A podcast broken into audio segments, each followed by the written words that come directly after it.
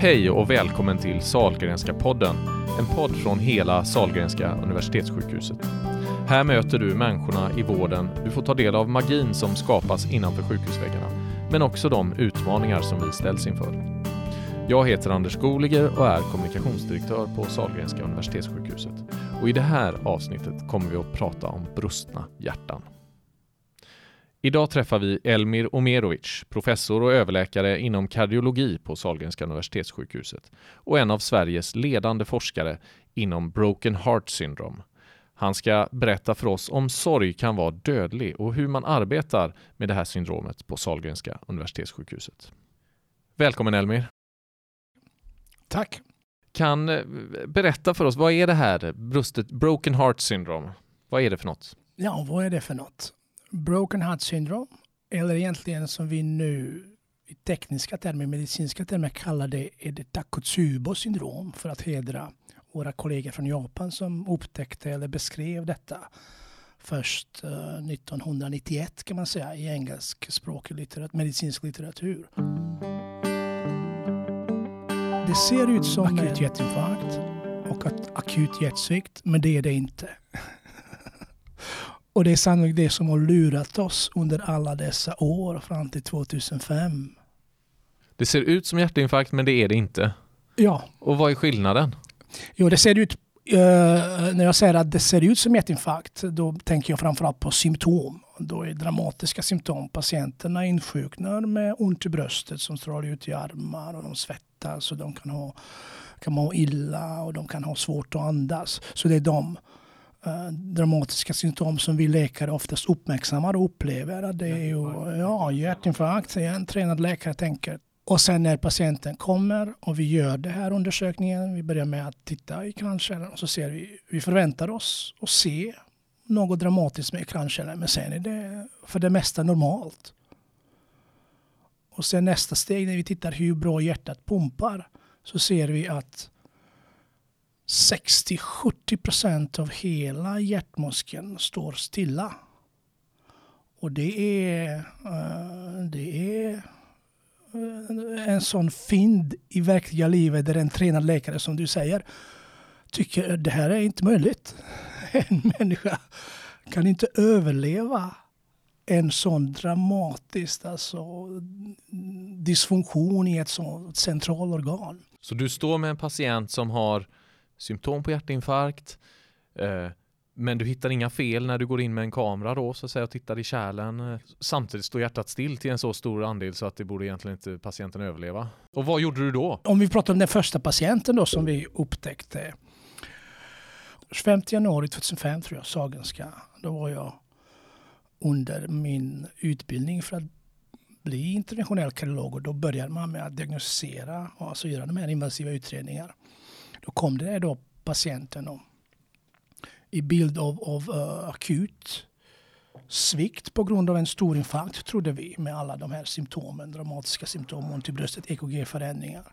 Vi gör undersökningen, ser att det är, vi förväntar oss att något stort kärl är avstängt. Uh, och då vill jag säga att, att det är liksom det här slumpen som spelar en roll. Och då, då vill jag nämna att Lars Grip som var min chef på den tiden, han kom förbi och det var halv sex på eftermiddagen.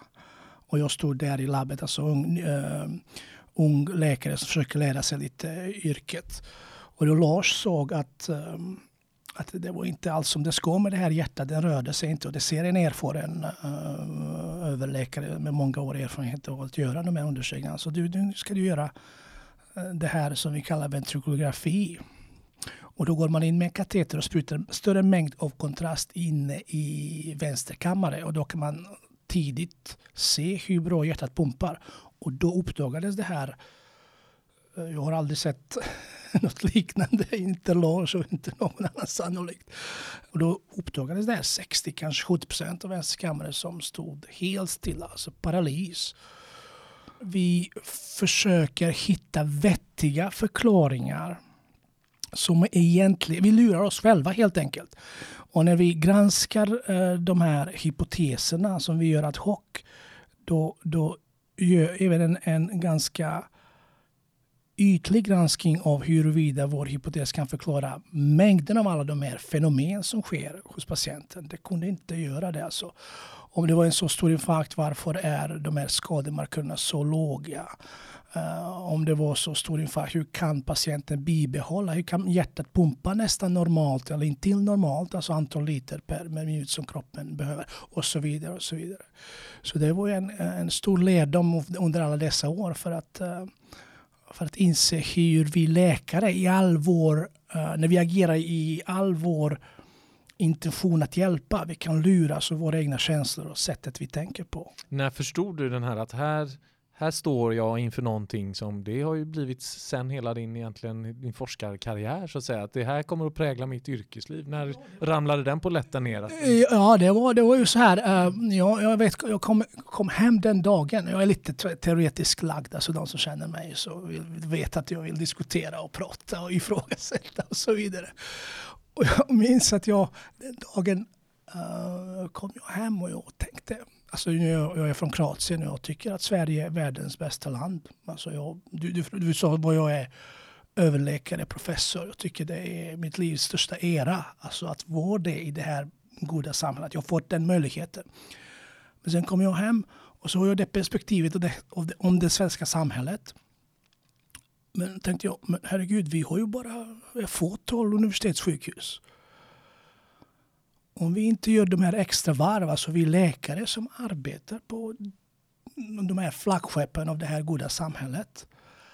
Uh, det är ingen annan som kommer efter, efter oss. Va? Vi, får, vi får göra det här extra varvet. Uh, så funderar jag, det kan inte vara så. Jag vet inte vad det är, men det är sannolikt inte liksom proppen som har löst upp sig eller så vidare. och så vidare.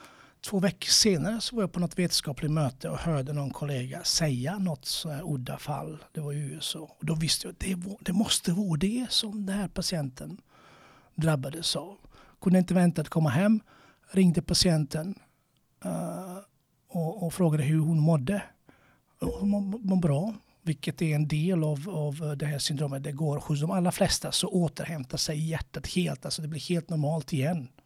Bara två, tre dagar uh, tar det innan uh, hjärtfunktionen förbättrar sig. Så det är en tillfällig liksom, det, det är någon, du får en stressreaktion, hjärtat stoppar egentligen till stor del. Och några dagar senare? Hos de allra flesta, inte alla, hos de allra flesta så går det över och, och hjärtfunktionen och, um, återtar sin uh, normala funktion. Det är någon sorts livets skrämskott eller vad ska man säga? Det har lett oss till, nu, nu har vi translationell forskning om detta. Vi kan efterlikna detta hos uh, råttor och så vidare. Så vi kan prata om det. Vi tror att detta är ett, ett, ett skydd mot att inte dö plötsligt, till exempel en ventrikelflimmer. Vilket kan leda oss till andra viktiga upptäckter. Uh, uh, men det som är också viktigt är att inse att det här är inte ofarligt. Även om det läker själv hos de allra flesta så är dödlighet inom 30 dagar som jag har visat i våra i våra epidemiologiska data när vi följer de här patienterna i våra kvalitetsregister så ser vi att mortaliteten är i kategori med patienterna som får akut hjärtinfarkt. Eh, vår allra första fall här 2005 var triggad av mobbning. Kan du tänka dig att vi kan mobba varandra till en sån här farlig tillstånd? Alltså det, där finns alltså symbolik, alltså att vi vi reagerar, uh, hur vi behandlar varandra. Och det är också en sån viktig lärdom att naturen talar för oss. också vikten av att, att eh, behandla varandra så att säga väl. Efter 2005 så blev jag en annan forskare och läkare med det här, det här perspektivet. Det har verkligen betytt en, en hel del för min egen uh, personlighet, alltså privat, men också professionellt. Och framförallt så vill jag, uh, jag vill egentligen säga att alltså, de resurserna som vi har på det här sjukhuset alltså, har lett till att vi har kunnat organisera oss, eh, upptäcka den nya sjukdomen, eh, vända oss till våra kollegor i landet. Ja, men det här är viktigt. Nu ska vi inte ta reda på det. Vi har de här registren som vi är världsledande, som vi använder oss på olika sätt i olika medicinska ämnen inklusive kardiologin. Vi kunde ganska snabbt säga att detta är inte ovanligt. Detta är vanligt förekommande och detta är ett betydligt kliniskt problem där patienterna kan eh, fara illa. Och sen varför kan man eh, en del av eh, det här dödligheten, och det är också viktigt, det kan orsakas av oss själva inom sjukvården.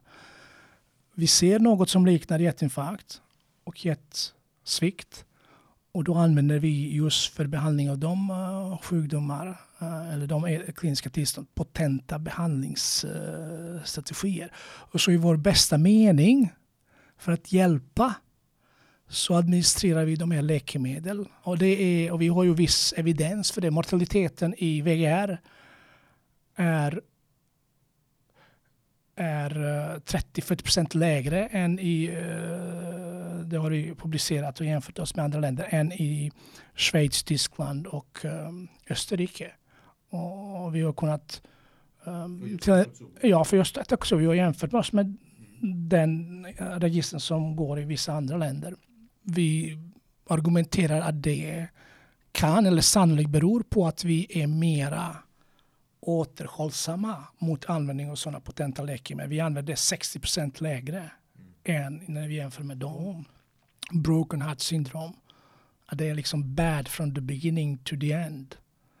Som när man får cancer. Eller alltså många kliniska diagnoser. Det är något som man vill inte ha förstås. Men vad vi tror nu är att, att, att, att Takotsubo är, är, är protective organ response.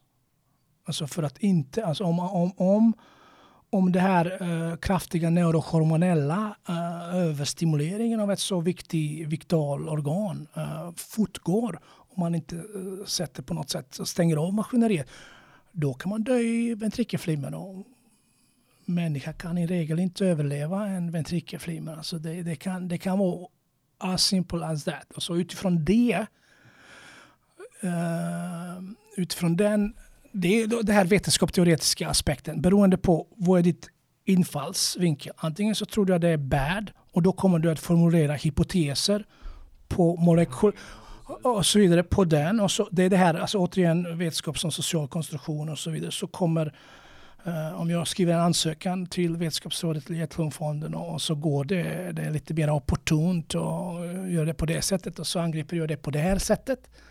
Eller om man går kontra resten av världen och, och gör en liksom, jo men det här kan vara skydd och därför vi vill göra det här och det här och det här.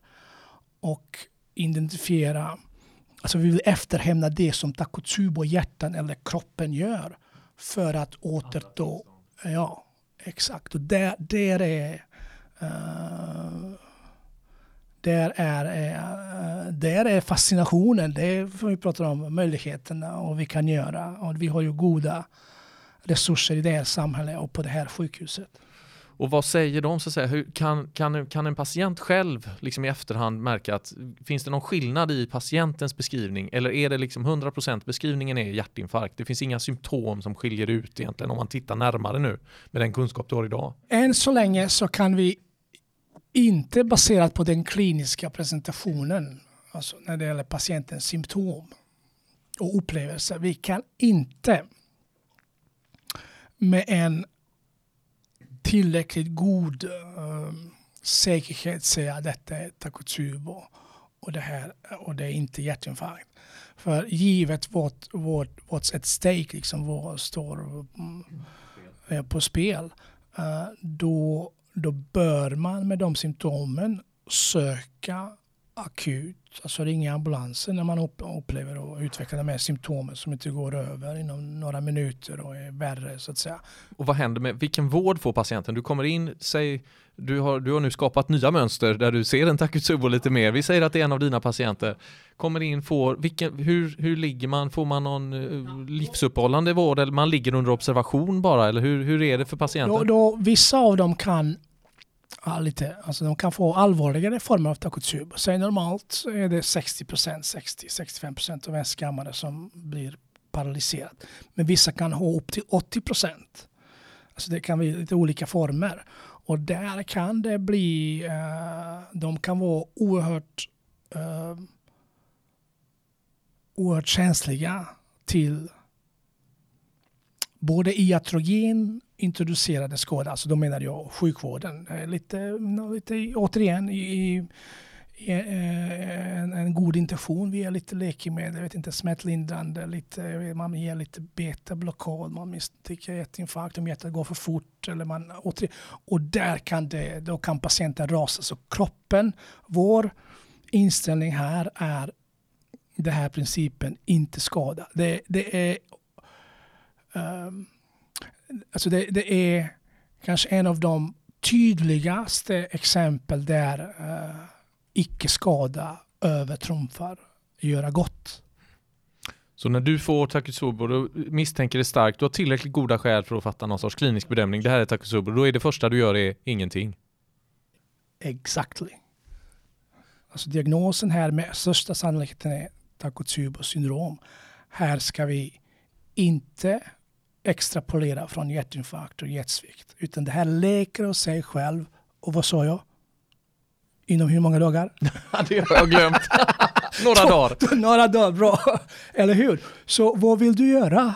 Vad är det, ska vi, alltså, det, det men vad man... säger patienten då? Du skickar hem och säger ja, det är visserligen kan du ha upplevt det som att du får en hjärtinfarkt, men vi, vi tänker att du får en kopp kaffe och får gå hem. Blir de inte lite snopna då? No, I början när vi inte kunde, nu har det gått några år, så det, det har, det låter fortfarande en konfusion. Jag blev upp, blir uppringd då och då om patienter från olika delar av landet och då upplever de att de har inte fått tillräckligt med information. Och det beror på att detta är nytt. Det lär man inte ut i skolan. Men patienterna behöv, behöver informeras om detta. Och vi skriver inte ut dem med en gång utan det är ju, vad har vi när det, eh, när det ja, de, de, är egentligen, vi har tittat på det, de, de är i regel eh, två, tre dagar extra just på grund av att vi är rädda. Du, du har ju varit med kan man säga och liksom tagit ett, ett lager till på löken, hjärtat så att säga. Att, eh, att liksom slutligt knäcka hjärtats gåta eller hjärtats mysterium. Hur, ty, är, finns det saker kvar att upptäcka i hjärtat? Jag hävdar att eh, förekomst av en sån här tillstånd som är inte ovanligt, det utmanar våra fundamentala eh, begrepp inom anatomi, fysiologi. Vad jag tror nu är att, att det finns sannolikt okända receptorer, receptorsystem, signaleringspathways, alltså som väntar att bli upptäckta. För att vi ska kunna förklara alltså all det här uppsjö av olika fenomen som uppstår i, i naturalförlopp av det här tillståndet. Och det är bara frågan innan någon uh, börjar liksom, ja det, det, här går inte att förklara alla våra nuvarande koncept räcker inte att förklara alla fenomen. Du, jag har en fast fråga här i programmet som alla gäster får och det, den lyder så här. Om du var sjukhusdirektör på Sahlgrenska universitetssjukhuset för en dag, vad skulle du göra då? För en dag? Uh, det, det, är en, uh, ja det kan man svara på många gånger. Men jag skulle, om det är en enda sak vad jag skulle uh, vilja sätta igång i rullning för att uppnå en snöbolleffekt. Så skulle jag ha. Jag skulle vilja jag skulle vilja arbeta med att förstärka, alltså vi är kunskapsföretag framför allt. Och våra resultat, återigen, Sagenska flaggskepp för det här goda samhället. Jag skulle vilja förstärka eh, mina kollegors, inklusive mig själv. Uh, och det här kan låta provocerande men jag ska vara ganska ärlig här. Jag skulle vilja förstärka kunskapen om generellt om vetenskapsteori, hur vetenskapen, hur skapar vi kunskap? Och så nu specifikt givet att vi lever i ett samhälle uh, där profit är viktigt, marknadsekonomi, prioriteringar, budget vi pratar om eh, och så vidare. Jag skulle vilja förstärka allas kunskap om egentligen eh, biostatistik, medicinsk statistik. För det hjälper oss att kunna kritiskt granska vad som är bra, mindre bra och bäst när vi fattar våra prioriteringsbeslut. Och som Uh, nu säger jag inte att jag är speciellt kunnig i det, men jag har upptäckt att det är en oerhört bristande kompetens vi alla har. Det blir en spännande dag. Det blir en spännande dag. Eh, Elmir Omerovic, tack för att du var med i Salgrenska podden.